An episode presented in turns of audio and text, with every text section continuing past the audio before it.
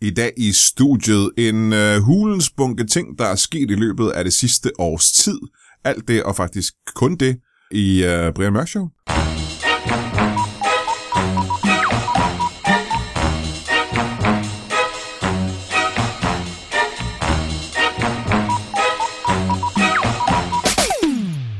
Velkommen til Brian Mørk Show. Mit navn er Brian Mørk. Ja, i dag hedder jeg bare Brian Mørk, og det har noget at gøre med, at det lakker mod enden. Uh, the end times are here, og uh, i hvert fald så er der kun i skrivende stund. Mens jeg optager det her, er der kun små 7-8 timer til uh, nytår, indtil 2020. Ja, jeg sidder derhjemme og uh, optager det her på, uh, uh, jeg ved, den er sådan, så man kan falderæbet. Ja, jeg sidder på falderæbet og optager det her lige inden det nye år. Det ligger nemlig sådan, skal jeg sige dig, at øh, jeg har besluttet, at der skal være Brian Mørk Show øh, hver uge, uden undtagelse. Og ja, der er masser af andre podcasts, som siger, øh, hvad, øh, det er super svært at gøre det i sommerferien og i vinterferien mellem jul og nytår og sådan noget, så der holder vi pause. Og der har jeg sagt, fandme nej. Jeg har sat foden ned og sagt, sådan skal det ikke være med Brian Mørk Show. Brian Mørk Show skal være der hver uge. Der er jo ikke nogen andre former for underholdning, som folk kan nyde i øh, de perioder det, så, hvad skal det så bare sidde og glo ind i en væg? Nej, fanden gale med Brian Mørk offrer sig og laver et afsnit af Brian Mørk Show. Det er selvfølgelig overmodigt øh, og, og dumt at sige det, fordi øh, i sommerferien og i juleferien er det så godt som umuligt at skaffe gæster. Det lykkedes, det lykkes de andre år, øh, men jeg, i år er jeg klogere. 1919 har gjort mig til en klogere mand, og jeg har sagt, ved du hvad, øh, du kan stadig lave et afsnit, Brian, øh, men du kan gøre det nemmere. Du kan jo øh, lave et, øh, et top 10 afsnit over de bedste shows, der har været i løbet af, af det foregangne år. Og øh, jeg gav mig selv det råd, og jeg, jeg tænkte lidt over det, og så besluttede mig for, at det var et godt råd. Øh, ikke kun fordi, at det sparer mig en masse arbejde med at skaffe gæster, som ikke kan skaffes. Det er øh, også fordi, at det faktisk er ret interessant. Jeg vil gerne vide, hvad folk, der har lyttet til Brian Mørk Show, har synes om afsnittene i løbet af året. Hvad for 10 afsnit, der har været de bedste? Jeg kunne også godt have lavet en, øh, en øh, top 10 over de øh, ringeste afsnit, men det tror jeg ikke, jeg kan holde til. Og det tror jeg ikke, deltagerne i de afsnit kan holde til. Så vi holder øh, os til de 10 bedste afsnit, der har været i løbet af året. Og det har jeg selvfølgelig bedt folk om på, øh, på nettet. Jeg har gjort det på Facebook og på Twitter og på Instagram. Alle mulige steder på de sociale medier har jeg bedt folk om at komme med deres bud på, hvad de bedste afsnit har været. Der er kommet en helvedes bunke bud. Og ved du hvad, der er også kommet en, øh, en top 10 liste. Jeg har simpelthen siddet og regnet det sammen og set, hvad for nogle, der har fået allerflest stemmer. Og øh, nogle af dem er overraskende for mig, og andre er, er helt åbenlyse. Jeg havde forventet, at de ville være med i årets top 10. 10 afsnit er ret meget, så det jeg har gjort, det er, at jeg har hakket det over i, i to dele. Øh, I dag der får du øh, første halvdel fra øh, 10 til 6, og øh, om en uge så får du så resten. Øh, og så kan du så sige, øh, hvorfor skal jeg have øh, de fem dårligste først? Og hør, hør lige hør lige De fem dårligste er stadigvæk øh, med i de 10 bedste, der har været i løbet af et helt år. Og husk lige på, i løbet af et år, der laver vi over 60 afsnit. Tre, over 60 afsnit. Og, øh, og det er, har ikke... Og, og ud over det, og det ved du selvfølgelig ikke noget om, for du har sikkert ikke været der, men der laver vi en hel del Brian Mørk Show afsnit live, som aldrig bliver til podcasts. Og, øh, og det er dumt. Det er sådan noget dumt. Og det er ikke fordi, jeg ikke har lyst til det. Jeg vil gerne optage dem og bruge dem som Brian Mørk Show på afsnit. Det er bare ikke altid, at teknikken øh, har lyst til det, når vi er ude og optræde rundt omkring i Danmark. Så er det tit, at der er en lydmand et eller andet sted, der ikke kan få det til at fungere, og så laver vi bare Brian Mørk Show for publikum den aften, selvom jeg i forvejen havde planlagt, at det skulle være et live show. I år, øh, 1919, er det kun sket over 10 gange, at et show er, er blevet spildt på den måde. Og nu siger jeg spildt. Folk, der er der på aftenen, øh, har området så her meget. De har pisset i bukserne og grin. Nogle af dem er døde. Men øh, Brian Mørk Show, lytterne, der sidder derude, de går glip af de shows, for de kommer aldrig nogensinde ud. Og jeg skal også være den første til at indrømme, at øh, skylden kan godt være min nogle gange, fordi at jeg øh, ikke selv kan finde ud af at sætte udstyr til. Og så nogle gange så er lydkvaliteten øh, bare så utrolig ringe, at jeg næsten ikke nænder at udgive det. Og andre gange så bliver det bare slet ikke optaget. Øh, det, det er faktisk min egen skyld. De fleste gange er det min skyld. Og det vil jeg gerne undskylde. Også over for mig selv, for det er spildt arbejde. Men i dag, der har vi som sagt fra 10 til 06, og øh, der er nogle overraskelser imellem. Der er nogen, der er åbenlyse. Og øh, ja, hvad mere kan jeg sige? Der er nogle genganger, der er nogle gæster, som går igen i top 10 flere gange. Og det kunne godt tydeligt på, at de er ret populære gæster hos lytterne. Øhm, men ved du hvad, lad os, lad os gå i gang med det her. Øh, lad os gå i gang med uh, top 10, øh, fra 10 til 6. Og afsnit 10 er altså i det her tilfælde øh, afsnit 249. Og 249, det ligger helt tilbage i juli måned, hvor gæsterne var øh, Thomas Hartmann og Tony Scott. Og øh, det kan godt være, du kan huske det her afsnit, fordi det var et øh, utroligt morsomt afsnit. Men lad mig lige sige et på omkring afsnittet først. Tony Scott er jo et øh, forholdsvis ny, et nyt, øh, et nyt tiltag, det kan man ikke engang sige. Han er jo en, en, en nyere gæst i Brian Mørk Show. Og det er øh, fordi, at jeg er i gang med at indspille og lave øh, Stemmernes Tårn, den Dungeons Dragons podcast, som Christian Fuglendorf har, har sat i søen, og som nu også er på, på YouTube. Og det blev en ret populær podcast, og der har jeg mødt Tony Scott. Og det er altså noget af et bekendtskab, det er jeg fandme glad for. Tony Scott er en øh, fyr, man ikke kan andet end at elske, men det har også vist sig, at han er en umådelig morsom gut. Og han er jo en gammel P3-radiovært. Han ved en helvedes bunke om at lave radio, og han ved en masse om rockmusik og den slags. Og det betyder, at i det her afsnit, som muligvis er hans andet eller tredje afsnit nogensinde, der er han inde og spille en øh, rockanmelder. En klassisk beskidt rockanmelder. Og det her, det er en rockanmelder, som øh, vist nok, så vidt jeg husker, laver sine anmeldelser i god tid før koncerten nogensinde øh, har været spillet. Og det tror jeg faktisk er noget, han har hævet ud af virkeligheden. Jeg synes, jeg kan mindes en sag om en rockanmelder, der gjorde noget af det samme. Han er overraskende morsom. Jeg håber virkelig, vi får ham at se igen i, uh, i senere afsnit. Uh, Thomas Hartmann kender vi jo. En af de gode gamle kendinge i Brian Mørk Show. Han er uden undtagelse altid skæg. Han er en af de absolut skæggeste komikere, vi har i Brian Mørk Show, hvilket også er en af grundene til, at vi hiver ham ind igen og igen, både i podcasten og i live-showsene. Uh, øh, I det her afsnit, der spiller han en, og det er det typisk Hartmann. Det er super typisk Hartmann. Det er en snørklet idé, han har fået. Han spiller en, øh, en mand, der bruger al sin tid på at rette grammatikfejl i graffiti. Øhm, og det er bare en ting, hvad, hvordan fanden får du noget sjovt ud af det? Men det gør Thomas Hartmann hver eneste gang. Du skyder omkring Thomas Hartmann, at han er... Øhm, han er en lille smule magisk på den måde, at han er, hans hoved øh, er så hurtigt, at han, øh, selvom han sidder og improviserer, og alt hvad vi laver er jo improviseret, når han sidder og improviserer, så laver han færdige punchlines, som øh, andre mennesker skulle sætte sig ned og arbejde på at skrive ned. Han former dem i hovedet, imens han er i gang med at spille en karakter. Og han har min evige beundring. Det må jeg edderme sige. Men det her det er 249 med Thomas Hartmann og med Tony Scott. Din nummer 10. Som Dylan for eksempel. For eksempel Dylan. Ja. Og hvad, hvad synes du om Dylans uh, koncert, som han ikke har spillet endnu? Ja, den var god. Det er seks stjerner. Ja, Men det er bare, han, han er jo en af dem, der bliver bedre med tiden. Han det? Og der er jo gået tid, siden jeg så ham sidst. Så på den måde, der fik han jo seks stjerner sidst. Ja. Så kan du regne ud, at han er blevet bedre, end han var sidst, fordi han bliver bedre med tiden. Uh-huh. Kan du se, hvor det bærer hen Og du har ikke flere stjerner at gøre godt med, jo. Seks stjerner. Ja, seks stjerner, det kan jeg selvfølgelig godt se, ja. Uh, hvem, His Royal Bubness, det er overskriften. His Royal... Bubblicious, der står der så i brødteksten som det første. Bubblicious gigs, alle de bedste sange. Aha, aha. Så er der en setliste, så er der lidt om, du ved, at han var god. Og Candle in the Wind, og nej, Blow in the Wind ville være mere realistisk, han spillede. Er det rigtigt? Men altså, han kan, jo, han kan jo overraske. Det er jo det, man ikke ved, når man skriver på forhånd. Så nogle gange, så må man også satse.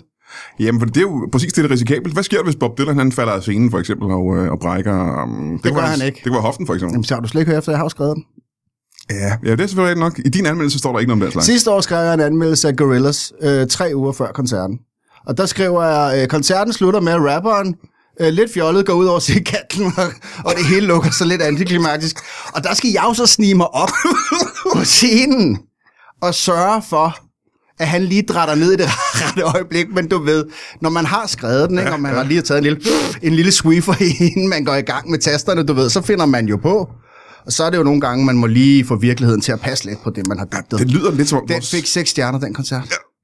Det lyder som, du sætter lidt nogle benspænd for dig selv, synes jeg, når du sådan Ja, ja, ja, men altså, hvis man vil være den bedste, Brian. Mm. Og til synligheden også nogle benspænd for rapperen. Ja, ja, det er meget benspænd.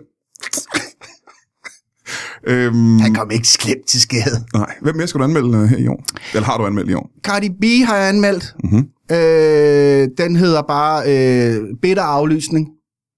Hun kommet til at aflyse. Hun aflyser, ja. Bitter Åh. Aflysning. Cardi B aflyser for andet år i træk Roskilde Festival. Jeg kan ikke læse hele artiklen for dig nu her. Men altså, det er essensen af den. Hvad er grunden til, at hun så- aflyser? Det? Jamen, det er også fordi, hun skvatter ud i lufthavnen. Ej, Ja. Der er, og slår sig slemt. der er på en eller anden mærkelig måde, falder hun over et kosteskaft. Ja. Wink, wink. Ja. Men altså, den har jeg eksklusivt, det kan jeg godt sige dig. Det er jo, på mange, mange måder er det ikke en, en rigtig anmeldelse af det. Nej, det er mere sådan en slags øh, upsa historie Ja. kan man Ja, ja, sige. ja, det var ja. sgu lidt fjollet, det der Roskilde. Dem skal der også være plads til. Ja, det skal man skriver også en artikel om, hvor meget øl, der bliver drukket, og toiletpapiret, og hvor mange liter, du ved, slam, der bliver suget. Så du og, anmelder alle mulige ting Ja, ja, ja, man skal have lidt baggrund, ikke? Ja. At du ved, hvor mange bakterier kan man finde i en badesø, hvor meget urinstøv kan man spise i løbet af en festival, Ja, ja, ja. hvis man bruger en ske, og så videre. Ja, ja, ja. ja. Hold da kæft, men øh, øh, papa, skal du på festival så? Jeg holder mig generelt væk fra festivaler. Jeg har ellers en ekstra billet. Ja, men prøv at høre, det, med øje- backstage? det øjeblik, jeg kommer ind på et af de festivaltoiletter, og begynder at læse graffitien på væggene det er der. Der er sgu meget Jeg er jo aldrig, aldrig, jeg kommer aldrig ud derfra. Hvor lang tid har du brugt på sådan et øh, festival? Så er det Uh, halvanden uge. halvanden uge Ja. på festival, så er det ikke? Ja, det er simpelthen med, at uh, toilettet inklusive mig blev slæbt væk med en kran og kørt tilbage til Godik. Var det Roskilde Festival? Ja, Og du brugte halvanden uge på Roskilde Festival inde ja i et toilet? simpelthen inde på toilettet og, og rette uh, manglende tegnsætninger, Men- mangelfulde tegnsætninger, forkert tegnsætning, stavefejl. Det var grusomt. Øh, men nu har jeg lige et hurtigt spørgsmål. Ja, Halvanden uge inde i et øh, festivaltoilet. ja. Der er nogle logistiske spørgsmål, der popper op, synes jeg. Ikke? Nej, man kan sagtens komme på toilettet, hvis det er det, du uh, tænker over. Jeg er klar over, at du godt kan komme af med dit affald, når du sidder ude på et toilet i halvanden uge. Men det er vel mere det, der sker den anden vej, tænker jeg. Øh, du skal jo overleve. Hvordan gør du det inde på et Ja, toilet? jeg bliver simpelthen nødt til at spise en af mine egne vinger. Så han vinger. Så han finger, eller så han Jeg Så- hørte vinger. Nej, en, en af mine vinger. Vinger? Jeg havde på det tidspunkt nogle... Øh, Har du haft to vinger? ja, ja, jeg havde øh, kalkunvinger transplanteret på. Så er det sgu derfor, du kun har en vinge nu. Jeg sad og tænkte, hvorfor har han kun en vinge, mand? Ja, jeg har et, mand. Jamen, jeg kunne ikke se, hvad det var. Det var sådan en bule herfra. Jeg sidder jo lige over for dig. Jeg kan ikke se, hvad du har på Det er ryggen. mest fucked up, jeg har set siden en gang også i Osborne, han bed hovedet af en du. Du har en uh, kalkunvinge. Det har jeg simpelthen. Det startede med, at jeg øh, fik øh, transplanteret nogle spurvevinger ind imellem mine egne skulderblade. Jeg kunne øh, i virkeligheden sagtens have opbevaret dem derhjemme, men problemet er, at det øjeblik, at de ikke er sidder fast på en levende organisme, så bliver de jo fordærvet. Og så var meningen, at jeg øh, ville opgradere til større og større vinger, indtil de til sidst kunne øh, fungere som et flugtredskab, når enten politiet eller vrede graffiti-malere var ved at tage mig på færre skærning. Men øh, altså vælge kalkunvinger fra en fugl, som altså, er berømt for ikke at, flyve særlig godt. Men, men man kan sige, Brian, jeg vil jo ikke være i stand til at flyve uanset hvad. Nej, så er der også lidt et spørgsmål om, hvorfor du gør det. Lidt for at vende mig til at have vinger, fordi på et tidspunkt så tænker jeg, så, ja, så finder jeg vel en overlevende teodaktyl, eller en albatros, eller, eller eventuelt flere albatrosser. Hvor mange albatrosvinger tror du, du skal have på ryggen, før du, kan, før du kan flygte fra politiet? Med min nuværende vægt 6. Og du er, en, øh, du er også en spinkelgund. Ja, Det må jeg give dig. Hvor meget vil du sige, du vejer på en god dag? Omkring 48 kilo. 48 kilo. Det er jo, Ja. lidt, det er jo det samme som Jeg en... var øh, jo væsentligt mere inden, uh, jeg var også været inde på et toilet på Roskilde Festival, og, og var nødt til at leve af andre menneskers afføring i, i en uges tid. Og Ja, det kan jeg en frygtelig diarré, der simpelthen drænede mig for det meste af min kropsvægt. Hvor stor var du dengang, før den øh, halvanden uge? Jeg vejede 72 kilo. 72 kilo. Ja. Ned til 48. Ja, Ja, der er ikke meget andet end skinderben tilbage, og så lige på kalkunvinger. Eller en kalkunvinge. en enkelt kalkunvinge. Som du, var, du spiste den anden kalkunvinge. Ja, Hold da kæft. Må jeg spørge om ting? Øh, hvordan kan du nå? vingen? Ja, hvis den sidder på din ryg, ikke, og du skal gnave. Øh, er det ikke svært? Nej, jeg, jeg rev den simpelthen af først. Du rev den af ud på Nå, man toilettet. så må sige. Ja, der er også lidt vægt der jo, kan man sige. det er nok ikke den første, der har gjort det på et Roskilde Toilet. øh, men, du har, Halleluja, siger jeg bare. men Torben, du siger, du har en, øh, en øh, ekstra billet Ja, skal du med? til VIP-området. Ja, ja, ja, ja, ja, ja, for helvede. da. Nå, men hvad kan jeg komme til at opleve? Jeg har jo aldrig været VIP på, på kan Roskilde. møde, hvem vil du møde? René Diff? Ja, jeg vil rigtig gerne møde. Jamen, så kan du møde René Diff. Ja. Er der andre, jeg kan møde? Ja, Nikolaj Koppel eller. Hvem Casey? vil du møde? Casey? Eller Kissy? Ja, begge to er der sgu da. Er Kissy? Kisi er der, Kisi er der, Kisser er der. Alle er der. Hold da kæft. Men, øh, Men Brian, er du der? jamen, det ved jeg ikke rigtigt. Øh, hvad, kommer det til at koste mig noget som helst? Nej, nej, nej. nej. Men hvordan kommer jeg til at bo derude? Kan give en vogn hjem, ikke? Ej, vi tager hjem om aftenen, du. Du, du, Så og, du, ikke, ikke sover dernede længere. og du er ikke typen, som Nej, nej, tager hele oplevelsen med dig? Selvfølgelig sover jeg ikke dernede, vel? Nej. Ligner en, der sover på Roskilde Festival. Mm, ja, jeg ved ikke, altså, det er jo, altså, du er jo lidt rocket, kan man sige. Ja, ja, jo, bevares. Altså, du er lidt, øh, ikke, øh, altså, du er jo Du ligner jo et... Og Ja, nu sådan ser jeg sgu da ikke ud, når jeg stopper om morgenen, mand. Det tager dig tre kvarter at blive så rocket. du, præcis, rocket er et rigtigt ord, for du er... Nogen vil sige et rockvrag. Er du klar, hvor lang tid det tager krøllen skjort? Mm, nej. 10 minutter. Ja, og du har to på. Ja. Så det er allerede der, er det 20 minutter. To skjorte Torben, det er der også mange, der kalder mig. Rock Torben eller to skjorte Torben, fordi det er sådan lidt, men det er det der lag på lag look, ikke? Det Ja, kan jeg ja. godt lide. Ja, ja. Også fordi, når man er på festivaler, det ved du også godt. Er det varmt, er det koldt? Ingen ved det. Så hvis, du er, lidt, hvis det er lidt varmt, bupti, så er der ingen skjorterne af. Er det lidt koldt, bum, så har du to skjorter på. Ja, ja, det, det er genialt jo. Altså, jeg kan ikke, jeg kan ikke se nogen fejl i det overhovedet. Men skal jeg ringe til Diff nu, eller... Er det ham, der skal skaffe mig en billet? Nej, nej, nej, hvis du... Hvem var det? Du vil møde nogen, eller hvad? Ja, Var det ikke, øh, du sagde en øh, kunstner, der Kissy? Ja, ja, Kissy. Hvem er, hvad, hvad er Kissy? Spiller med Tasty Handbags nede på Avalon scenen kl. 18.30 lørdag. Dem kender jeg slet ikke, vil jeg sige. Kæft, mand, hvor har du været? Jamen, jeg har jo ikke været på festival i hvert fald i mange år, jo, kan man sige. Du læser ikke meget BT, hva'? Nej, hvor, hvor gammel var det, du var, sagde du? Det sagde jeg ikke. Nå, hvor gammel er det, du er så? 52. 52 år gammel. Ja. Der er ikke et tidspunkt, hvor man tænker, nu er det sgu... øh, Nu er det, Nej. Nu, det er der Jo, virkelig. når man stiller øh, kopperstøvlen, ikke? Ja. Så er det slut. Og det gør du aldrig, så. Nej, det er på et andet tidspunkt jo. Ja. Så er det slut. Nå, men du ikke Så prøvet kan jeg jo ikke mere. Nej. Nej, nej, jeg sover med dem på. Jeg Så tror du. At være rock, hvor, hvor, Ja. kommer, hvor kommer interessen fra?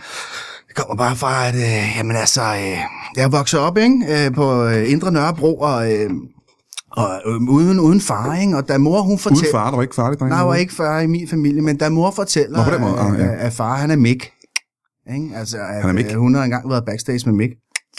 Øh, Mick, ikke? Mick. Mick. Er du med, Mick? Mm, Er du med Mick? Ved du ikke, hvad Mick er? Hvad for nogle Mick? Schack. Mick Schack? Mick Schack. Da hun fortæller min far, at Mick Schack, der tænker jeg, øh, der er to veje at gå. Ikke? Det økologiske køkken, eller fuckfinger til far, og så fuld spade på drengen. rigtigt. Og lad os bare med det samme springe videre til årets nummer 9. Og nummer 9, det er afsnit 258, og det er tilbage i august. Også et sommerafsnit, hvor øh, vi havde besøg af Nikolaj Koppel og Thomas Skov og Heino Hansen. Øh, Nikolaj Koppel og Thomas Skov var i studiet for at snakke lidt om øh, Podimo og sælge den idé og fortælle alle, hvad det gik ud på. Og så også lige for at lægge lidt i ovnen, at øh, der jo udkommer en øh, Brian Mørk Show Exclusivo en gang om ugen over på Podimo, som man kun kan høre, hvis man er medlem derover. Det er der ret mange mennesker, der er, og der er mange mennesker, der lytter derover, men ikke i nærheden af, hvor mange der lytter herud, hvor det er gratis, hvilket er mærkeligt. Men øh, Skov og Koppel er søde og rare gæster. Øh, Heino Hansen er inde og spille en, en fyr, som vist uden skyggen af mangel på bevis, kan man sige det. I hvert fald er han helt sikkert en fyr, der har haft et forhold til sin svigermor, og muligvis er kommet til at voldtage hende og slå hende ihjel. Og det er faktisk så dystert, som, øh, som det lyder, når jeg siger det her. Jeg kan ikke helt forklare, hvorfor det er så afsindelig morsomt samtidig. Men jeg kan fortælle dig, at øh, Skov og Koppel er mine medværter i afsnittet, og sidder og stiller spørgsmål sammen med mig til øh, den her karakter, som Heino Hansen spiller. Og efter afsnittet, øh, på vej hjem i bilen, drenger Heino Hansen til mig og spørger, hvordan det kunne være, at øh, Nikolaj Koppel og Thomas Skov ikke grinte helt så meget, som jeg gjorde i løbet af afsnittet, fordi det havde været så sjovt. Og øh, jeg må så fortælle ham, at det er nok fordi, du har snakket ret meget om at voldtage din svigermor og slå hende ihjel. Og det er ikke noget, man sådan lige griner så højt af øh, i det gode selskab. Det er ikke super øh, politisk korrekt at snakke så meget om voldtægt, som vi gjorde, og så meget om mor på sin en, man har, man har voldtaget. Og øh, ved du hvad, jeg vil super gerne undskylde og sige, øh, jeg synes heller ikke, at det er passende, men jeg lå så tårne løb ned af mine kinder. Og ved du hvad, det her det er øh, nummer 9 på øh, top 10. Det tyder også en lille smule på, at lytterne har synes det var helt vildt morsomt. Så øh, lad os høre en bid fra afsnit 250 med Koppel, Skov og Heino Hansen. Jamen altså, jeg, jeg får et brev fra Danske Domstol i e-boks om, at, øh, at, at man skulle have mig som mistænkt i en, i en situation, hvor øh, der foregår ude hos min svigermor, simpelthen. Øh, tidligere svigermor, eller nu, men øh, øh, fuldstændig vanvittigt. Øh, står anklaget for den slags. Der, der, der er sket øh, forskellige ting. Indbrud, vold, voldtægt og, og mor. Så der, Altså, det er mange ting, så det er mange anklager. det, det, det er hele pakken. Okay, jamen, jeg ved ikke præcis, hvad hele pakken er. Jeg er ikke så erfaren. Hvad, hvad, hvor mange anklager kan man sige, der er? Der var fem punkter der. Fem punkter simpelthen. Ja. Og du er anklaget for dem alle sammen. Ja, det er hovedmistænkt i hvert fald i sagen. Ja. Og jeg har fået besked på, at jeg ikke bare udtale mig, men Men altså, hvad skal, altså, jeg kan ikke tabe noget ved at komme og sige sandheden i Brian Mørk Show. Nej, det kan du vel ikke, for du er 100% sikker på, at du er uskyldig i de her sager. Jeg er 100% sikker, ja, for jeg var der jo ikke, kan man sige. Og du var ikke engang til stede? Nej, men de mener jo så, at der er nogle, nogle ting, der ligesom, der ligesom kobler mig til, til sagen derude. Aha. Ja. Øh, og hvad, kan du prøve at fortælle os, hvad er det, der er sket ifølge politiets øh, udlægning? Der er nogle DNA-spor, for eksempel, inde i min svigermor, ikke? Og øhm, der, er- der er forskellige ting, der kobler mig til sagen øh, Ja. derude. Ja. DNA-spor, er de ikke svære at, øh, øh, at trodse, kan man sige? Det er vel et definitivt bevis, er det ikke det? Jo, det er i hvert fald det, man mener fra anklagerens side, at den skulle være, den skulle være lige så sikker som ammen i kirken der, ikke? Men Ja. altså, jeg, jeg, jeg har synes der nogle gange, at, at tilfældighederne kan spille lidt pus i øh, dagens Danmark. Og Jeg, altså, definere voldtægt, vil jeg så også starte med at sige, at der er så mange ting, man skal have til fat i i sådan en retssag der. Ja. Ja. Jamen, der er rigtig mange ting at tage fat i en retssag. Voldtægt kan vi jo så lige hurtigt definere ved at sige, at det er vel at have sex med nogen imod deres vilje, er det ikke det? Jamen, så vil jeg sige, at det ikke var en voldtægt. Så, så du, var, du var til stede? Jamen, det, det er jo bevist. Det er bevist, at jeg har været derude den, den dag jo. Altså, det er jo bevist, at jeg har været der den dag. Ja. Men er det mig, der har øh, slået hende ihjel? Er det mig, der øh, har stjålet hendes øh, badminton -catcher? Er det mig, der har dræbt hunden? Er det, hvad, er det mig, der har gjort alt det? Er det mig, der har stjålet ægget? Er det mig, der... Er det, er det dig, der har gjort de ting? Det siger jeg jo, det ikke er. Ja. Og det er jo det, vi skal afgøre i retten øh, lørdag 14 dag. Det er, det er noget af en, øh, noget af en sag. Det er utroligt, du får lov til at gå fri, kan man sige, hvis du er anklaget både for mord og voldtægt. Og, Ja, det øh, mener nogen i anklagemyndigheden også. det er derfor, jeg har brug for at være med i Bremer Auktion nu, kan man sige. nå. ja, det lyder som en, øh, en ret grotesk sag, vil jeg sige. Ja, har du overvejet at lave en podcast? Jamen, den, er, altså, den skal udkomme øh, rimelig snart, kan man sige. Øh, Inden lørdag simpelthen. kommer an på, hvordan det vipper ud til min fordel, eller, eller vice, vice versa der. Ja. Men altså, jeg, jeg synes jo, det der med at skulle modbevise, det er det værste, man kan udstille alle mennesker for. Det der med, at du skal bevise din uskyld. Ja, det er, selvfølgelig- det er svært at bevise, at man ikke har, ikke har gjort noget, ikke? Ja, især fordi, at jeg var jo derude på dagen jo. Ja. Men kan Ja. du ikke, kan, nu sidder jeg jo og, og tænker, skal vi ikke prøve ligesom at skille tingene? Nu har vi hørt politiets udlægning. Hvad er din udlægning, hvad der foregik den dag? Jeg kommer ud til min svigermor med, med fire bakker æg. Ja. Ikke sandt? Og så, øh, det gør jeg en gang hver, hver måneden der. Hun får æg til en hel måned. Øh, og det skal være meget specifikt. Det er meget, spe- øh, meget specifikt slags æg. Så jeg, øh, altså dem nede fra Rema 1000 og noget, ikke? Så tager jeg ned og henter fire bakker af dem. Så specifikt det lige at være. Ja, det er, hvad hun bedst kan lide. Ja. Skrabæg ned fra Rema 1000. Og så, Er det, øh, øh, det er så smagen, der er speciel? øh, hun, hun kan i hvert fald godt lide prisen Ja. øh, på dem. Aha. Og så øh, en gang om måneden tager jeg op med fire bakker til hende der. Så, øh, så har vi, vi har udviklet et forhold over tid. Det kan jeg jo lige så godt sige, som det er nu, hvor at konen er gået frem, og hvor at svigermor er død, og hvor jeg er anklaget for voldtægt. At vi har udviklet over tid et forhold, hvor, jeg, at jeg, hvor det ikke kun er hønseæg, jeg afleverer, hvis man forstår. Altså, hvor jeg, eller hvis, hvor det ikke kun er, er hønseæg, der bliver involveret, eller berørt af situationen, når, når vi mødes der. Ja, er, det, er det et romantisk forhold? Det er også hendes æg, der bliver berørt af situationen, hvis man forstår. Mm-hmm, mm-hmm. Vi er begyndt at have sex med hinanden, Ah. når jeg afleverer. Øh, ja, hvis der er nogen, der ikke lige var med på, ja, Ja, på de forskellige ja, ja, ja. hentydninger. Jamen, jeg er glad for, at du udreder det så ja. Ja. præcist. Hvor længe har det forhold så været i, i gang? Har vi haft et halvt år plus et par uger der. Men vi skal tilbage til den skæbnesvang Ja, ja, dag. ja. Jeg synes, du, altså, vi, vi arbejder slet Ja, ja, rundt om ja. ja. den varme grød. Du banker på med Jeg ban- fire pakker æg. Ja, Hun jeg, åbner. Hun åbner. Hvad så? Så går det stærkt. Jeg, altså, hvordan det var detaljeret. Øh, jeg afleverer. De, de rører i køleskabet først. Så selvom at der er moriner i luften, så er hun også bevidst om, at æg, de skal fandme ikke være ude ved stuetemperatur. Nej. Så de rører lige i køleskabet først, ja, men, men så rører vi så direkte ind på Shai Salongen øh, og ser en film, og så går vi ind i sengen og boller bagefter. Okay. Og, ja, øhm, Hvad siger I? øh, vi ser øh, det støver stadig. Godmorgen. Vi så ugen før, der så vi øh, støv for alle pengene. Ja. Vi tager dem i øh, kronologisk rækkefølge. Jo.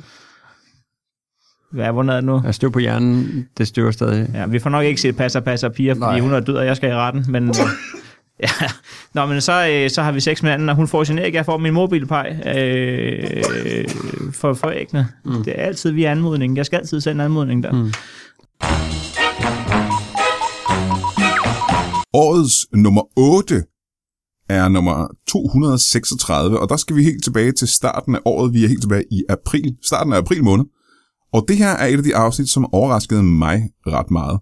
Øhm, fordi at, øh, jeg vidste godt, det var et sjovt afsnit, men jeg, jeg tænkte, det kan være, at det her afsnit, det mangler øh, kendiser. Så det er, det er jo nogle gange sådan, når man laver podcast, ja, og radioprogrammer, og tv-programmer, og film, at folk er gladest for de afsnit, hvor der er kendte mennesker med.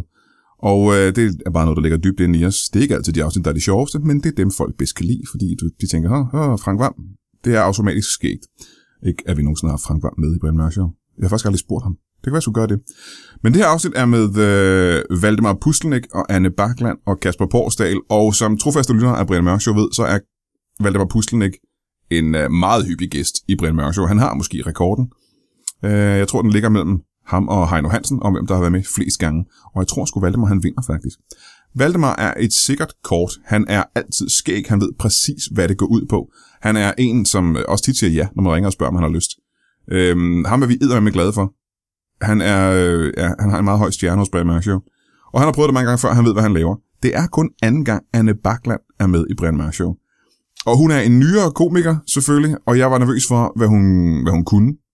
Nogle gange tager vi en chance og hiver nogle unge komikere ind, eller nyere komikere i hvert fald, og så ser vi, hvad de kan.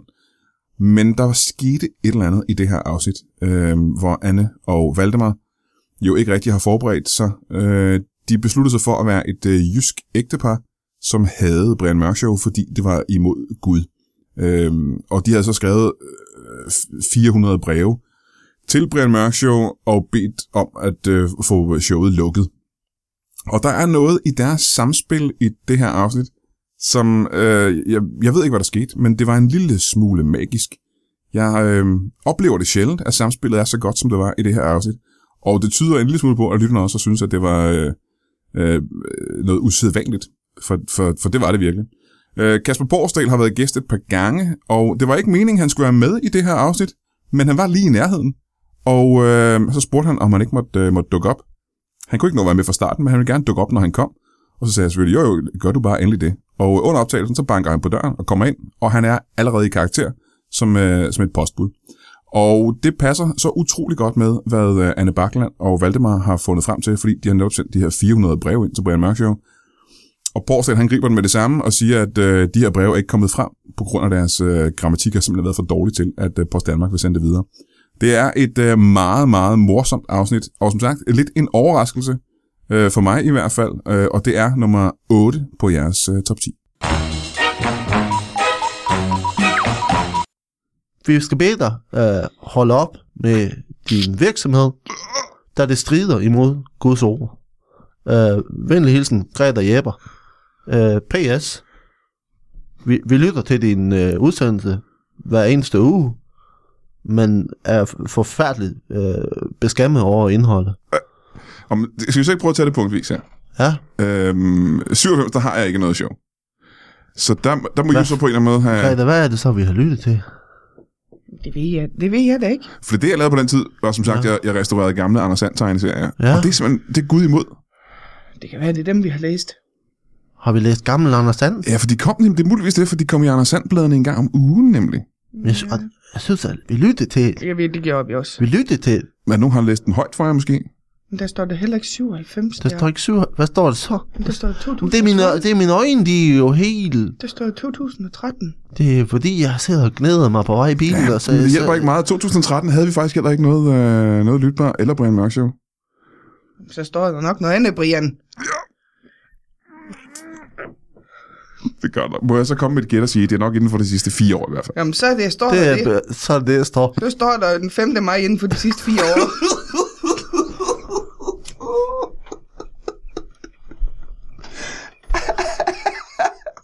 Har du flere spørgsmål, Brian? Øh, ja, først vil jeg Vil du gerne... høre det brev, eller vil du høre det brev, Brian? Jeg synes, vi skal også til det første punkt, vi lige har haft her. Ja. Hvad er det, Gud har imod, øh, mod showet? Jamen, der er så mange ting. ja. Men lad os bare nævne fire ting. Hvad er det, han ikke bryder sig om det her For at, jeg, jeg synes jo, det første punkt, som vi har været meget på, det er jo, øh, det er jo det her med det her indætte københavneri, der befinder sig. Det er meget københavnsk. Det er meget København. Og det kan Gud ikke lide. Nej, På hvilken øh, måde er Brian Mørk så meget øh, københavnsk? øh, det bliver optaget i København. Bliver optaget i København oftest. Ja. ja. Du, du snakker meget københavnsk. Det gør du meget. Jeg, det tror jeg faktisk ikke, jeg gør. Oh. Jo, Jeg tror, jeg taler sådan meget Jamen, rigsdansk. du ved nok lige snart, vi kommer over broen, så er vi i København. Så Ja, det, ja, selvfølgelig. så du det vil herren, øh, herren dømme dig Ja, på det den yderste det dag. Hvad er det for en bro egentlig, du tænker på der? Bare for at være helt specifik. Ja, den ene af dem. En, hvilken som helst bro. Den, den, der fører herover. Hvorfra er vel også vigtigt. Der er en bro Hjemmefra, fører jo til to. hjemmefra, Brian!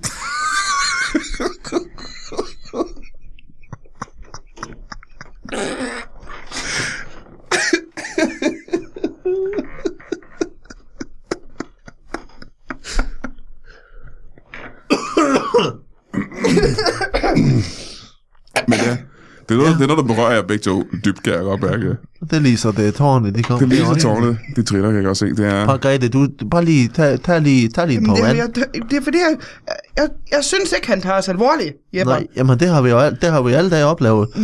Så- når, vi, når vi kommer rundt Så, og fortæller folk, at de er besat af djævlen, og, det, og oh, de er, det, burde, er, det derfor, er jeg besat af djævlen? Er det derfor, jeg får fortælle mig det? jeg tror ikke engang, du er værd til at blive- besat af djævlen. Det gider Du djævlen ligner ikke. ham Nej. i hvert fald en lille smule. Er det rigtigt? Hvad er lighedspunktet mellem mig? Det er de der buske øjenbryn under rundt. Jeg har busket øjebryn. Briller, brillerne. Djævlen har busket øjebryn og briller. Det er det, det, er det vi ved om satan. Det ved man. Ja, Aha. det er det. Hvad er det? Så Gud han er ikke interesseret i, at, øh, at det er... Og en For, underkrop som en ged. ja, Det er klassisk. det er klassisk. Det kan, så Ja. kan jeg også genkende. Ja. Det første punkt, Ja. Gud ikke bryder sig om, hvor herre ikke bryder sig om med den her podcast, det er, det er københavnsk. Det er meget københavner. Ja, det er meget københavnsk. Alle gæster er københavnsk. Nå. Det er sådan noget plattenslageri, du. Nej, jeg tror, Det de, er- gæsterne kommer jo fra hele Danmark, tror jeg. Nej, det tror jeg ikke, Vi har også nogle fra... Jo. Vi har, vi har ikke oplevet nogen gæster, Nå, som uh, kommer andre steder Nå men det fra. kan være, jeg husker forkert så, for jeg synes både, jeg har fra Fyn og fra Jamen, Bornholm for Fyn, og det fra er da ikke Jylland. bedre. Nej. Fyn? Nej, nej, nej. nej Og, også fra nej, Jylland, nej, synes jeg, og nej, nej. Bornholm og alle mulige steder fra, synes jeg. Fra. Bornholm? Ja, jeg tror også, har du det er gæster fra Bornholm? Ja, det har jeg faktisk. Hvorfor har du det? Jamen, nogen er jo født og vokset på Bornholm. Og så kommer ja. de jo... Kan man det? Kan man komme, kan man komme her til fra Bornholm? Der er godt nok ikke nogen bro, Det lyder ubehageligt. så det kan godt være, det lyder... Ja, så er det jo nok ikke den, vi har kørt på, Brian. Nej, I kommer ikke fra Bornholm. Nej, vi kommer Det kan ikke vi fra så regne Bornholm. Ikke fra Bornholm. Så Gud... Det, det var fire ting, vi bad om, Ja. han ikke brød sig om i den her podcast. Han brød sig ikke om til københavneri. Nej, Og hvad er det de andre ting så? det er jo dit udseende. Han brød sig ikke om, du siger, at ligner djævlen. Ja, det Ja. er vigtigt i podcast. Ja, jeg har... Han brød sig ikke om københavneri Nej. og djævelens Nej. Så Og så er det, er det et gennemført øh, løgnagtigt program, du har. Det er et løgnagtigt program. Ja. Det er. Det er fyldt, det er fyldt med, med løgn. Du, det kan jeg ikke engang sige jer imod, for nogle gange er der blevet fortalt en øh, lille hvid løgn her. i Det er en tilståelsesag. Det er en tilståelsesag. Ja, ja. Det er Så, så case closed. Nå, men det var Færdig. skab. Det var skab, for jeg vil gerne høre, hvad den sidste ting, han ikke brød sig om. er. Jamen, vi behøver ikke flere ting. Nå, men jeg har er nysgerrig. Jeg kunne godt tænke mig at er vide, hvad den sidste ting er her. Hvad er det, han hader mest ved showet? Det, som Gud han hader allermest ved de show, Brian.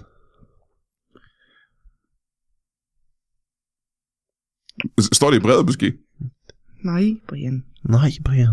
Det er faktisk Det gør er, jeg ikke. det er Hvad er grunden til det? snakke om. Det er simpelthen- det er noget- snakke om. Det er fordi... I har svært ved at tage det i munden, hvis vi, skal, simpelthen. hvis vi skal... Ja, det er faktisk en ting, der er meget svært at tage i munden. Den kan godt være lidt stor og fylde lidt. Og det er ikke rart at skal sige det højt. Også fordi, at hvis Gud han Så hører har det, så jeg- kan det være, at han slår hånden af os. Så har jeg en idé.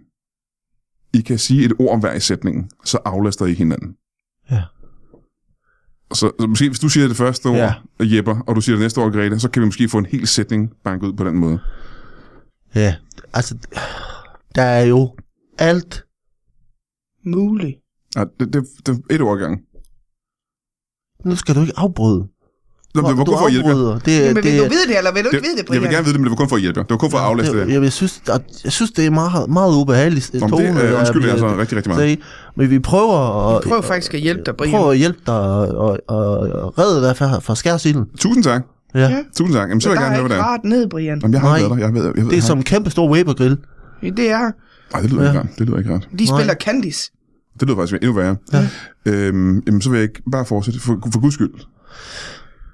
Ja, var alt muligt.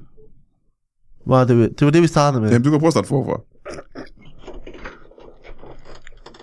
Jeg synes, der er... Og det her, det er jo det, som Gud havde allermest af Brian Mørk Show. Ja, Ja. Lad os få den lige. For, for, for, for starten igen. Om det er sådan noget væveri, vi har gang i. Ja. jeg kan godt fornemme, at det er noget, noget væveri. Det, det er for mange Små kleiner i. suppen. For mange små kleiner i suppen. Ja, og det kan Gud ikke lide. For mange glo... Banker det på igen.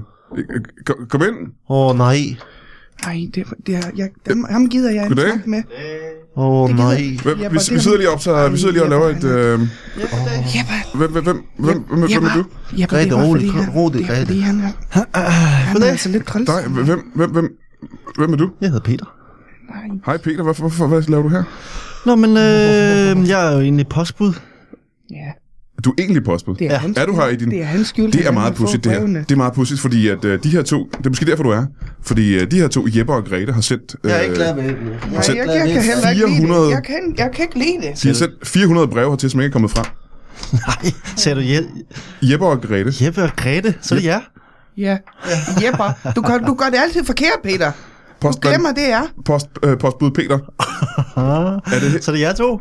Hvad, Åh, Det er Ej, det er lidt sjovt, det her. hvad, hvad mener du med det? Hvorfor har du inviteret ham, Brian, når vi skulle Hvorfor? komme her og hygge os? Ja, det har jeg. Jeg tror faktisk, at han er her, fordi han ved... Ja, hvad ved du egentlig? Hvorfor- hvorfor er du kommet? Jeg er jo øh, det sidste postbud tilbage. Du er det sidste postbud. Og jeg har... Øh, I Guds hjerte er vi alle postbud. Ja. Det kunne da være, hvis du var det sidste postbud, du skulle have delt noget post ud, så. Det har jeg simpelthen også. Jeg har bare bevidst nægtet at aflevere lige præcis Ej. jeres. Se, det er interessant, synes jeg, for det er jo grunden til, at vi ikke har fået dem her på Lytbar, de der sådan 400 breve. Det kan godt have noget med det at gøre, Så ja. det er godt, vi har taget en kopi med i dag. Må jeg så spørge en gang, Peter, øh, hvad er grunden til? Fordi jeg har jo ikke læst de her breve. Jeg har ikke modtaget dem. Nej. Men det må betyde, at inde på Post Danmark, eller hvor det går fra, der, der læser I faktisk brevene. Ja. Hvilket jeg troede var altså meget ulovligt, men, men det, er simpelthen, det gør I. Og du har læst... Så det har jeg faktisk ikke lige tænkt over, at det skulle være ulovligt, men jeg har i hvert fald fået læst dem igennem. Og jeg vil sige, Som minimum syndigt, vil jeg sige. Ja, korrekturlæsning er ikke jeres stærkeste han får i hvert fald et rap Nej, men det er da Grete, det er da øh. Grete, hun er jo... Hvad er det, Det for har noget? vi snakket om, Peter. Det gider jeg ikke snakke om med mere. Jeg kan ikke hun læse. er meget svær ved det. Det er, meget, det er meget ømt for hende. Ja, men jeg, altså, skriver, jeg vil bare sige... jeg skriver øh, lidt ligesom jeg snakker, og det lyder fint. Så, så Peter, så har jeg lige hurtigt spørgsmål. Ja. Inden på Post Danmark, eller hvad det nu hedder nu, der, der åbner man simpelthen folks breve. Ja. Så læser man dem lige en gang. Yes. Og hvis de ikke kan stave, eller sætte tegn, så kommer brevet det, Det, fra. det er egentlig mere præcis end det. Hvis ikke der bliver sat startkomma, så kommer det ikke rigtig igennem. Nej. Så slutter det der. Det er meget ironisk, at hvis ikke der er startkomma, så slutter det. Det er simpelthen så køb, noget københavneri med Det det. er, og det kan Gud endelig. Men Og det er derfor, vi er her. det må da betyde, at der er altså, en hårde af breve inde i kælderen. Øh, hvor der, eller brænder I dem? Hvad gør I med de breve, der er normalt? Min erfaring er, at der ikke er kommet en eneste brev frem de sidste fire år.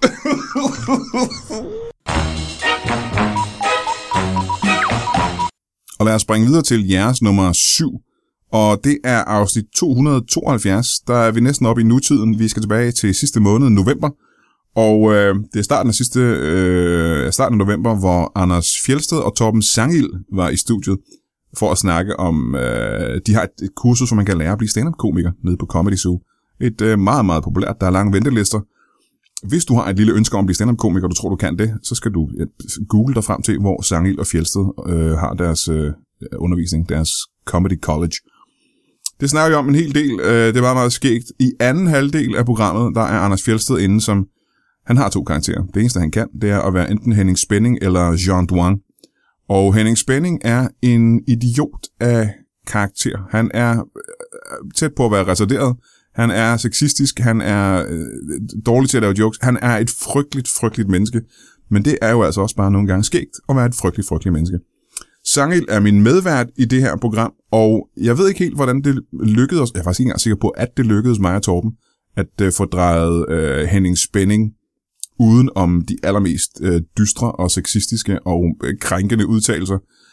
Øh, det jeg tror ikke, det lykkedes os faktisk. Men i hvert fald så var det øh, meget, meget morsomt, og det er nummer 7 på jeres top 10 liste, 272, Anders Fjeldsted og Tom Sange. Har du en til joke, vi kan prøve at- pille fra hinanden? Ej, jo, det synes jeg faktisk ikke, det lyder særlig positivt, hvis vi bare skal pille dem helt fra hinanden. Men så kan, okay, så kan jeg lige en anden en. Det er så en, øh, øh, så kommer her, øh, herr Hansen lige ud i sin have. Ja. Så ser han lige over hos naboen. Så er bare naboens have bare fyldt med pingviner. Nå. Så er jeg lige til, åh, det er mærkeligt med pingviner, så siger han Ja, til, det var, hvis jeg en gang. Det er jo en uh, usædvanlig situation, at naboens have er fyldt med pingviner. det, det må man nok sige, fordi det er ikke øh, på Men mindre Sydpolen. naboen bor på Sydpolen. Nå. Nå, Men det gør, jamen, det gør man faktisk ikke. Fordi så vil det måske ikke være så mærkeligt. Så vil man, Så vil man også at selv bo på Sydpolen, kan man sige. Og så vil man tænke, hvor, hvor mange naboer har man lige på Sydpolen, altså. Men, men, men det er bare helt almindelige villakvarter jo. Ja. Og så er jeg fyldt med øh, pingviner over hos naboen, og så kommer naboen ud og kigger på alle de her pingviner. Så er jeg mærkeligt, at min have er fyldt med pingviner. Og så siger, øh, så siger herr Hansen der, hvorfor er alle de her pingviner der? Så siger jeg, ved det ikke. Og så siger herr Hansen, fordi han er klog en, ikke? Så siger han, prøv her, prøv her, nu, du, du skal gøre det, du skal tage alle de der pingviner i din have, så sætter du dem op på traileren i det, på det, bag på din bil, og så kører du ud i zoologisk have jo. Og så øh, siger naboen, nå, det var en god idé. Og så gør han alle pingvinerne op, og så kører han. Og så går Hansen ind og drikker noget kaffe og tager sådan en lille lur. Og så da han står op igen, så går han ud og kigger. Så er fyldt med pingviner inde i naboens have Det var satans, ja. Ja, og så da naboen kommer, så siger prøv at høre. Altså, jeg sagde ikke, du skulle køre alle de her pingviner i zoologisk have. Og så siger naboen, jo jo, det ikke skide godt, i morgen skal vi i biografen.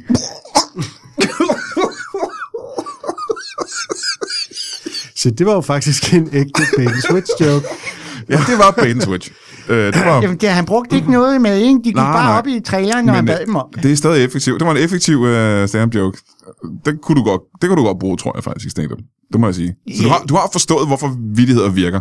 Ja, det er fordi, de er sjove jo. Ja, ja, ja. Det er jo ikke idiot. Nej, det er selvfølgelig rigtigt nok.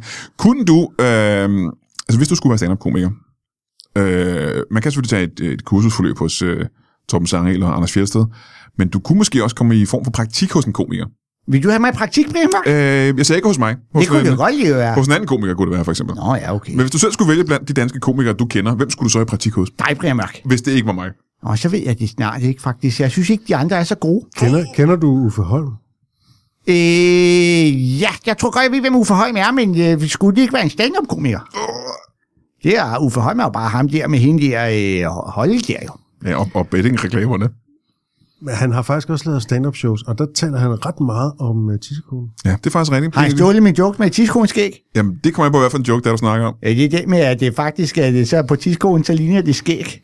ja, det er skæg. Og så, og så siger man, det er skæg, fordi man griner, men det er også skæg, fordi det er en slags skæg, der vokser bare nede på tidskoen. Jeg skal ikke Der må man sige... at Uffe Holms jokes er meget raffineret sammenlignet med det der. Faktisk så nogle gange, så kan man kigge på jer to og tænke, det er lærerne af listen, som om I har tidskoner i ansigtet, fordi uh, så har I tidskoenskæg rundt om.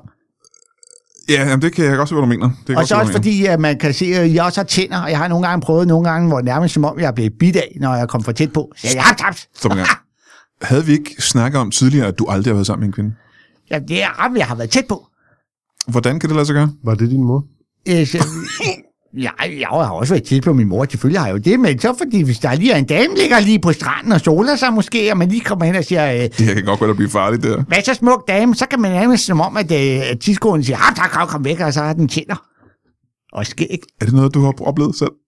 Det er for i gang med måske lidt. Det Hvor skal er, du hvor er det, du går hen, og det sker? Øh, så går jeg hjem.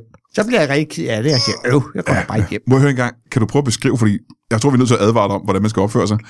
Hvordan er det præcis, det foregår, når du går på stranden, når du ser en lækker dame? Så jeg ligger dame, så går jeg ind og siger, hey, Og smukke, kom, smukke dame. kom med det i detaljer. Du går hen til hende. Hun ja. ligger for eksempel og læser en bog eller et eller andet. Ja, eller soler sig faktisk. Ja, ja, hvad siger du så? Så går jeg ind, og så siger jeg, øh, nogle gange, der var en gang, så sagde jeg ligesom, øh, hej med dig, så sagde hun ikke noget. Så fandt jeg ud af, at det var, fordi hun sov. Og sagde hendes tissekone da, haps, haps. Ja, fordi jeg tænkte, ja, så, øh, så prøvede jeg, øh, så tænkte jeg, måske jeg prøve at vække hende jo. Ja. Og så, øh, fordi hun ikke sådan bare lige vågnede, som hun sagde jo, så sagde jeg, Må jeg spørge, hvordan, prøvede du væk helt først? så sagde jeg, hallo, mm. hallo, smukke dame.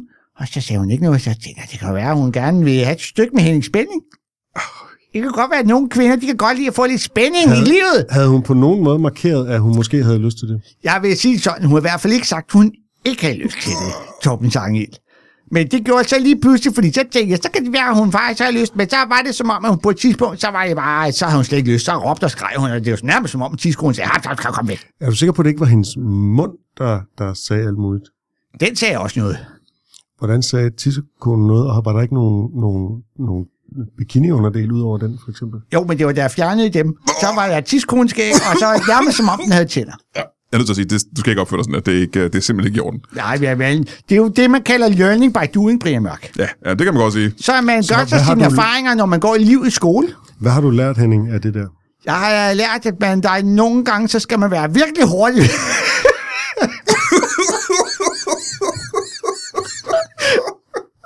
skal virkelig hurtigt, hvis man skal nå noget, for at få noget på den sjove, inden de bliver sure. Ah, det er en frygtelig historie, det her, Henning Spænding. Nummer 6 på top 10 er afsnit 275, og det er slutningen af november måned. Det er næsten helt op i nutiden, hvor vi havde besøg af Jonas Vesterbø og Christian Wolfing. Igen er det her lidt en overraskelse, fordi vi ikke har nogen åbenlyse comedy-stjerner med i programmet. Jonas Vesterbø og Christian Wolfing har deres øh, egen podcast, som hedder, øh, hvad det hedder, Vestegnens Helte, hedder den, hvor de fortæller om anekdoter om, øh, hvordan det var at vokse op og leve ude på Vestegnen. Og jeg har lyttet til den, og synes, det var umådeligt morsomt. Jeg har aldrig haft noget at gøre med Christian Wolfing før. Jeg har mødt øh, Jonas Vesterbø et par gange på nogle øh, tv-kontorer og produktionskontorer rundt omkring i Danmark, men jeg kendte dem sgu ikke rigtigt. Øh, Jonas og Wolfing har også begge to lavet ja, alt mulige former for medie, radio og tv. Og jeg tror egentlig også engang, jeg var gæst i et øh, Danmarks radioprogram, som øh, Jonas Vesterbø var vært på. Jeg kan sgu ikke rigtig huske det. Overraskelsen kommer efter vi har talt om deres podcast, og de skal ind som karakterer, hvor jeg igen ikke har den fjerneste anelse om, hvad de her to mennesker kan. Det var lidt af en satsning. Og så brillerede de bare i at være altså, helt fjollet sjov. Øhm, Wolfing kommer ind som en, en mand, der har et museum fra, er det Safri Duo Merchandise, tror jeg det er. Øh, et museum, der desværre lige er brændt ned. Det ligger inde i øh, Bongbongland. Øhm, øh, ja, det er Safri Duo Museum, han har. Øhm, han er ked af, at hans museum er brændt ned. Og øh, Vesterbø er inde som en, en mand, der har brugt det meste af sit liv på at øh, plante bomber i belgisk Kongo, dengang øh, kong Leopold var, var konge over stedet. Jeg ved godt, det er over 100 år siden, men spil nu med, ikke? I hvert fald er det øh, umådeligt morsomt. Igen er vi ude i øh, at snakke om ting, som man ikke må snakke om længere. Øh, Vesterbø bruger nære-ordet en hel del gange, og snakker meget om at have sprunget nære i luften. Men husk på, det er ikke Vesterbø, der siger de her ting. Det er den karakter, han spiller, og karakteren er en kæmpe stor idiot. Og det lyder lidt smule som, om jeg er i gang med at undskylde for at lave krænkende op, øh, udtalelser. Det, det gider jeg sgu ikke. Vi laver pjat, og det er sjovt. Og øh, det her afsnit blev også helt utrolig morsomt. Jeg vidste ikke, hvad de kunne. De kunne en helvedes bunke. De var meget, meget sjove, og jeg håber ikke, det er sidste gang, de er med i Brian Mørk Show. For guds skyld, ikke? Og det var nummer 275, altså jeres afsnit nummer 6. Nå, og det det job var... Ja, jeg skulle øh, sætte bomber over det hele, fordi han var en sød mand.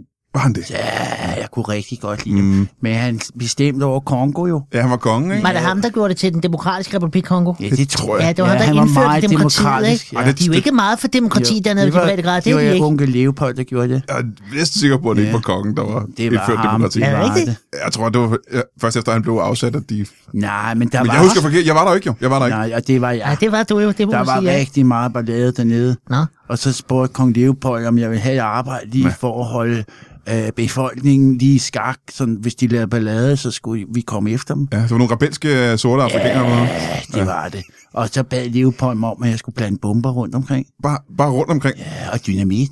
Og hvad, hvad, hvad skulle det hjælpe, sagde du? Så hvis de var flabet, så sprang bomberne. Jamen, hvis de var de steder, hvor du havde blandet dem. Ja, jeg har plantet over det hele. så jeg har sprunget... Jeg, jeg, sprang, jeg har sprunget rigtig mange nier i luften. Altså, for det første... Øh, det, lyder frygteligt, for det første. Det lyder som en modbydeligt øh, fortid, du Jamen, har. jeg har. Nej, det synes jeg ikke. Øh, Det hvor, var bare et arbejde. okay, hvor mange vil du sige, du har sprunget i luften? En nier? Ja, yeah. vi kan også starte der. Jeg tror, altså... I hvert fald 1500 nier. Det er kraftet med mig. Men det er svært at tælle, når de bare ligger så hulter til bulter og arme op i træerne. Mm. Og i, det er sgu svært med 1500, 1500. et estimat. Ja. Det er et meget højt tal. Ja, det er. Er det den race af mennesker, du har sprunget flest i luften af, kan jeg så spørge? Ja, det vil jeg tro. Ja. Altså, jeg har også været meget i Yemen. Nå, Ja, det er jo, det er jo ikke nære, det er jo ar- araber. Ja, har du sprunget noget af dem i luften så? Ja. Der er en smule. Det er Ja. ja. kun 10-15 stykker. Nå, okay. Øh, hvad med, øh, vi kan jo så gå de forskellige øh, nationaliteter igennem. Ja. Øh, hvad med, øh, Grønland. ja, inuitter? Uh, det kalder jeg Eskimoer jo. Ja. Det Ja. må man ikke. Nej. Det er jo blevet så politisk. Og teknisk set må man heller ikke springe i luften jo, men det har du så måske gjort alligevel. Ja, men det er jo ikke... Der er nogen, der ringer. Jeg arbejder freelance. Og så er du ikke fastansat af et firma til at springe nogen i Nej, luften? der er forskellige... Fe- Hvordan gør man det? Er det så fakturering, eller hvordan? Det er altid med fakturer. Nå, Ja, så ringer forskellige... med uden moms, eller hvad? Hvad kører man på, når det ja, er det vil bomber? jeg helst ikke snakke om nu. Men man kan trække bomber fra. Bomber. Kan du det? Også du, Der er ikke kan du trække, hvordan Nej, trækker du en bombe fra? Et bomb? Ja, Der, det er bare Hvad skriver du så på fakturen? Selvangivet. Bomb? Bomb? bomb? Ja, der er 25 procent ligesom alt muligt. Altså B-O-M-B, bomb. Ja, Okay. Kan du, øh, nu fik jeg ikke svar på, hvor mange øh, inuitter, du har sprunget i luften selvfølgelig. Øh, Men kan du, er du i stand til at lave en brandbombe også? Ja, ja. Vi kan lave alle slags bomber i min Hov, branche. hov, hov, det- hov. Godt sagt, Brian. Hvad, hey, hvor fanden? Hvor var du henne her for et par uger siden? Hvad mener du? Har du Ja. været i nærheden af Bonbonland? Nej. Heller ikke Hå? de der i, i Frankrig. Lurve. Lurve. Det var ikke dig. Nej, Nej, det var okay. ikke mig. Jeg ved ikke, hvad I snakker om. Nå, men det var fordi dit ansigt er lidt gavtyvet. Øh, tak. Sige, Ja, filur, ikke? Ja, det er en filur, ja. en Det filur. på grund af Yeti-cremen. Det giver en gavtyv ansigt. Ja, det giver gavtyve fjes med Yeti-creme. Men jeg vil gerne lige sige, at jeg springer ikke folk i luften mere. Nu afmonterer og Hvornår, demonterer hvornår skiftede du så? Hvornår gik du fra at springe med luften til Det var jo omkring der, hvor at, øh, jeg, jeg tog væk fra øh, Belgien, eller Belgisk Kongo. Ja. Så tog jeg tilbage til Danmark, og så kunne jeg godt se, at man blev lidt upopulær, når man gik og plantede bomber på strået. Ja, for den danske konge var ikke interesseret i det. Nej, Ah, det er ikke så meget spas, det er det sgu ikke. nej, det er mere kanoner. Ja, De er pjatte med kanoner. ja, det er det. Så jeg tænkte, det kan jeg ikke rigtig leve af, så jeg begyndte at, at afmontere bomber og få penge på det i stedet. Aha, okay. Så det er smart. Jeg Nå, det er ligesom de afmonterer- der indbrudstyve, som så bliver altså sikkerhedskonsulenter. Ja. Det er klogt. Ja, ja, det er ja, klogt ja, ja. set. Ja, ja. Larmestre, der smadrer ruder. Ja, ja, ja. Ah, det er der jo ikke nogen, Ja, især hvis det er bomber, du selv har plantet, du har plantet ikke? Så jeg ved, hvor de fleste er. Men arbejder du så stadig freelance, eller er du en del af en eller anden bombe-unit? Ja, freelance. Stadigvæk nu? Ja, der er ikke nogen, der tør fastansætte os. Nå, Nej, men det kan jo hurtigt gå galt, og så er der erstatning. ah, det er ligesom journalister på overenskomst og sådan noget lort, at man Ja. tør sgu ikke ansætte. Nej, nej, nej, nej, nej, så nej. det er- Freelance, du. Freelance. freelance. Ja, Ja, ja, freelance. Jamen så lad os, lad os lege med tanken, at øh, der, du bliver ringet så op af, af politiet, kan jeg forestille mig, eller militæret, Ja, det til kunne det være. Eller Mærsk. Eller Det kunne være Mærsk? Mærsk. Ja, Mærsk. Mærsk? Ja, Mærsk. Hvorfor Mærsk? Så siger de, kom og tjekker, om der er bomber på mit skib. Men du ved allerede, om der er en bombe, ikke? Ja, det var selv plantet lort, Ja, jo. jo, men det er det, der er smart, jo. Øh, Så tager du ti- hvor mange timer tager du så for det, Jeg når du slet ikke kender altid 100 timer på, Hold kæft, selvom jeg ved, mand. jeg kan klare det på en halv. 100 timer. Er det ikke også? Altså, det er jo mange, det er jo Det er, mange stor, dage. ja, ikke? det er stort skib, jo. Hvad, hvad er timepris? Det er rigtigt. Det er dyr. Der er jo sikkerhedsrisiko er for, at man kan, timepris? at man kan dø. Hvad er timepris? 15.000. Må jeg, øh, og det her det er ikke for at prikke hul i øh, din arbejdsform her, vil, for du laver jo bomber, der er rent faktisk er livsfarlige. Ja, det er, ja, alle bomber er i bomber i livsfarlige. Og dynamit også. Vil det være nemmere for dig, når du skal fjerne dem selv, Ja. at ikke at lave bomber, der kan slå folk ihjel? Så, Åh, så, du, er så du ikke godt. var i livsfare, så du bare kunne op og tage den fra? Så bare sige til folk, det var skide farligt, men det var den Og ikke. kæft, det var en farlig bombe, men så var det bare et, øh, et hul rør med en kineser i, for eksempel. Og med kineser mener jeg sådan en lille fyrværkeri-ting. Nå. Det er faktisk en god idé. uddybe det, Brian? Det er en god idé. Det har jeg faktisk ikke Fordi tænkt. det, jeg tænker, der er jo altid en risiko ved at blive sprunget i luften, selvom, du skal, selvom det er en bombe, du selv har lavet, er det ikke det? Jo, det er der faktisk. Og jeg, det, er gode, jeg, det er sjovt, fordi så er der en ting, jeg ikke behøver at gøre. Og hvad er det for en ting? Det er jo fordi, det er jo pissefarligt, hvis der springer bomber. Er det, de er røvfarlige bomber? Ja, det er vildt farligt. Ja. Og ved du, hvad der er mere farligt? Nej. Hvis man får et kødsår, og så bomben springer, og der kommer bomuld ind i såret. Bomuld? Jeg får tøj, så jeg, har aldrig tøj på, når jeg demonterer bomber. Du har ikke sådan en beskyttelsesdragt på? Nej, fordi så kan der komme bomuld ind i såret. Så går jeg betændelse i. Men der kan vel også komme øh, ja, krudt og øh, øh, splinter fra granater og den slags Ja, i men bomuld er det værste. Du siger, bomuld er alligevel værre end... end Ja. Det er værre en pest. Jamen, der laver du også biologiske bomber. Du sagde, du lavede alle Nej, bomber. det gør jeg ikke. Du sagde, du lavede alle bomber. Nå, ja, det, ja, nej, jeg har ikke lavet biobomber. Det har du ikke lavet? Nej, Og det kunne ikke finde på det heller. nej, det er for farligt. For, For hvad? For hvem? For hvem? Altså for mig? Når det er farligt for dig. Ja. kan man- ja, ja, ja. Jeg kan Ja, ikke. For biologisk, man kan ikke se dem jo. Det er bitte små, ikke? Ja, ja, jo, det tror ikke bomberne. De kan være kæmpe store. Ja, men øh, bioting, det er vel en virus, eller... De, det kan man ikke. Det er mikroskop. Ja, det er mikroskop. Du kan ikke se det, jo. Nej, Nej. men det laver jeg ikke. Nej. Så bliver det bare væk fra mig. Jeg kan ikke se det. Nej. Nå, men så vil jeg gerne tilbage til, du, øh, f- var du nervøs for, at øh, Safedu Museum er blevet brandbombet simpelthen? Ja, det er da nu, når du siger det. Nu er der, der er noget, en pros, der går op for Jamen, mig, er, det der må jeg noget, sige. er der noget, der tyder på det? Ja, der lå en lunde derinde. Så det, er nyt, nu kører der til at tænke, det kan da godt være, at det hænger sammen med en pumpe. Men er det ikke mærkeligt, at Lunden ville være tilbage? Hvor er det, jeg er ikke bombeekspert, Fabi. Jeg ved bare, jeg fandt en, Det en sindssygt Det lang lunde. Det er meget normalt, at bunden Ja, det er Ja. altid normalt, at lunden bliver. Men øh, det skal jeg da lige have fundet ud af. Vi har heldigvis noget sikkerhedskamera op, så det må, det må være til at finde ud af jo. Øh, Ja, hvad? Har I filmet dernede? Ja, Øh, Nå. Nå, ja. For der er jo kameraer rundt overalt i Bonbonland også, ikke? præ- jo, det, er jo, det skal der være. Det er jo target number one for terrorister. Ja. Der er Disneyland, og så er der Bonbonland. Ja. Hvis, man har Al-Qaida eller noget, det er det ISIS-lort, så vil man jo også bombe det sted ja først. de, de kender det jo som Bom Bomland og noget, fordi de gerne vil sprænge det i luften, ikke?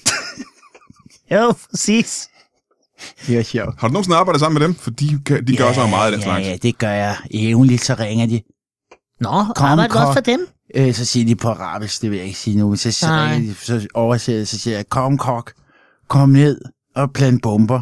Hvad gør du så? Så tager jeg ned, det er jo penge jo. Nå, du er ligeglad. Jeg skældner ikke Du har ikke det. noget moralsk Nej, kompas på den nej, måde. det synes jeg ikke. Man Nej. skal jo leve. Ja, fair nok. Det er ikke dem, der går ud over, selvfølgelig. Nej, det skal Nej, det er, ikke. Nej, øh, det, godt det er ikke mig, der Ja. planlægger, hvem der skal leve eller dø. Jeg Nej, er jo nej, ikke Gud jo. Det er ligesom at sælge en Volvo. Du ved ikke, hvem Volvoen kører ind i på et eller andet tidspunkt. Du- Nej, det er det. Men det er 100, de dør af dem, den kører ind i. Ja. ja medmindre det er en anden Volvo. Mm. Ja. Og man kan også sige, at i det her tilfælde har de fortalt, at de gerne vil bruge Volvoen til at dræbe mennesker med, så kan man sige, det er Og det er lidt specielt, kan man sige. Ja, ja, det er rigtigt. plus, at det er en, en, en eksploderende Volvo. Jeg har engang sprunget en Volvo i luften. Har du det? Ja. Hvad er det for en historie? Men det, jeg, det, jeg har fortalt den. Jeg har sprunget en Volvo Det var i det. luften. det. jeg ved ikke. Der var ikke mere. Nej. Nej. Det var de første fem afsnit af årets top 10. Næste uge kommer øh, toppen af de fem. Nej, det hedder det ikke. Toppen af de 10. Det må være 5, 4, 3, 2 og 1. Der er nogle af de spillere, vi har haft med i dag, som dukker op igen i næste uge, fordi de simpelthen er så populære og sjove. Øhm, lige om lidt er det nytårsaften for mig. Det, du lytter nok ikke til det her i dag. Du hører det først efter nytårsaften. Jeg håber ikke, dine tømmermænd har været for vilde. Jeg håber, du har overlevet. Jeg håber ikke, at en øh, spade har skudt et øh, romerlys ind i dit øjeæble. Jeg håber, alt er gået godt for dig. Og jeg håber, at vi ses igen om en uge, hvor vi har afsnit nummer to af top 10. Ved du hvad? Godt nytår, og øh, kan du have det i en pose?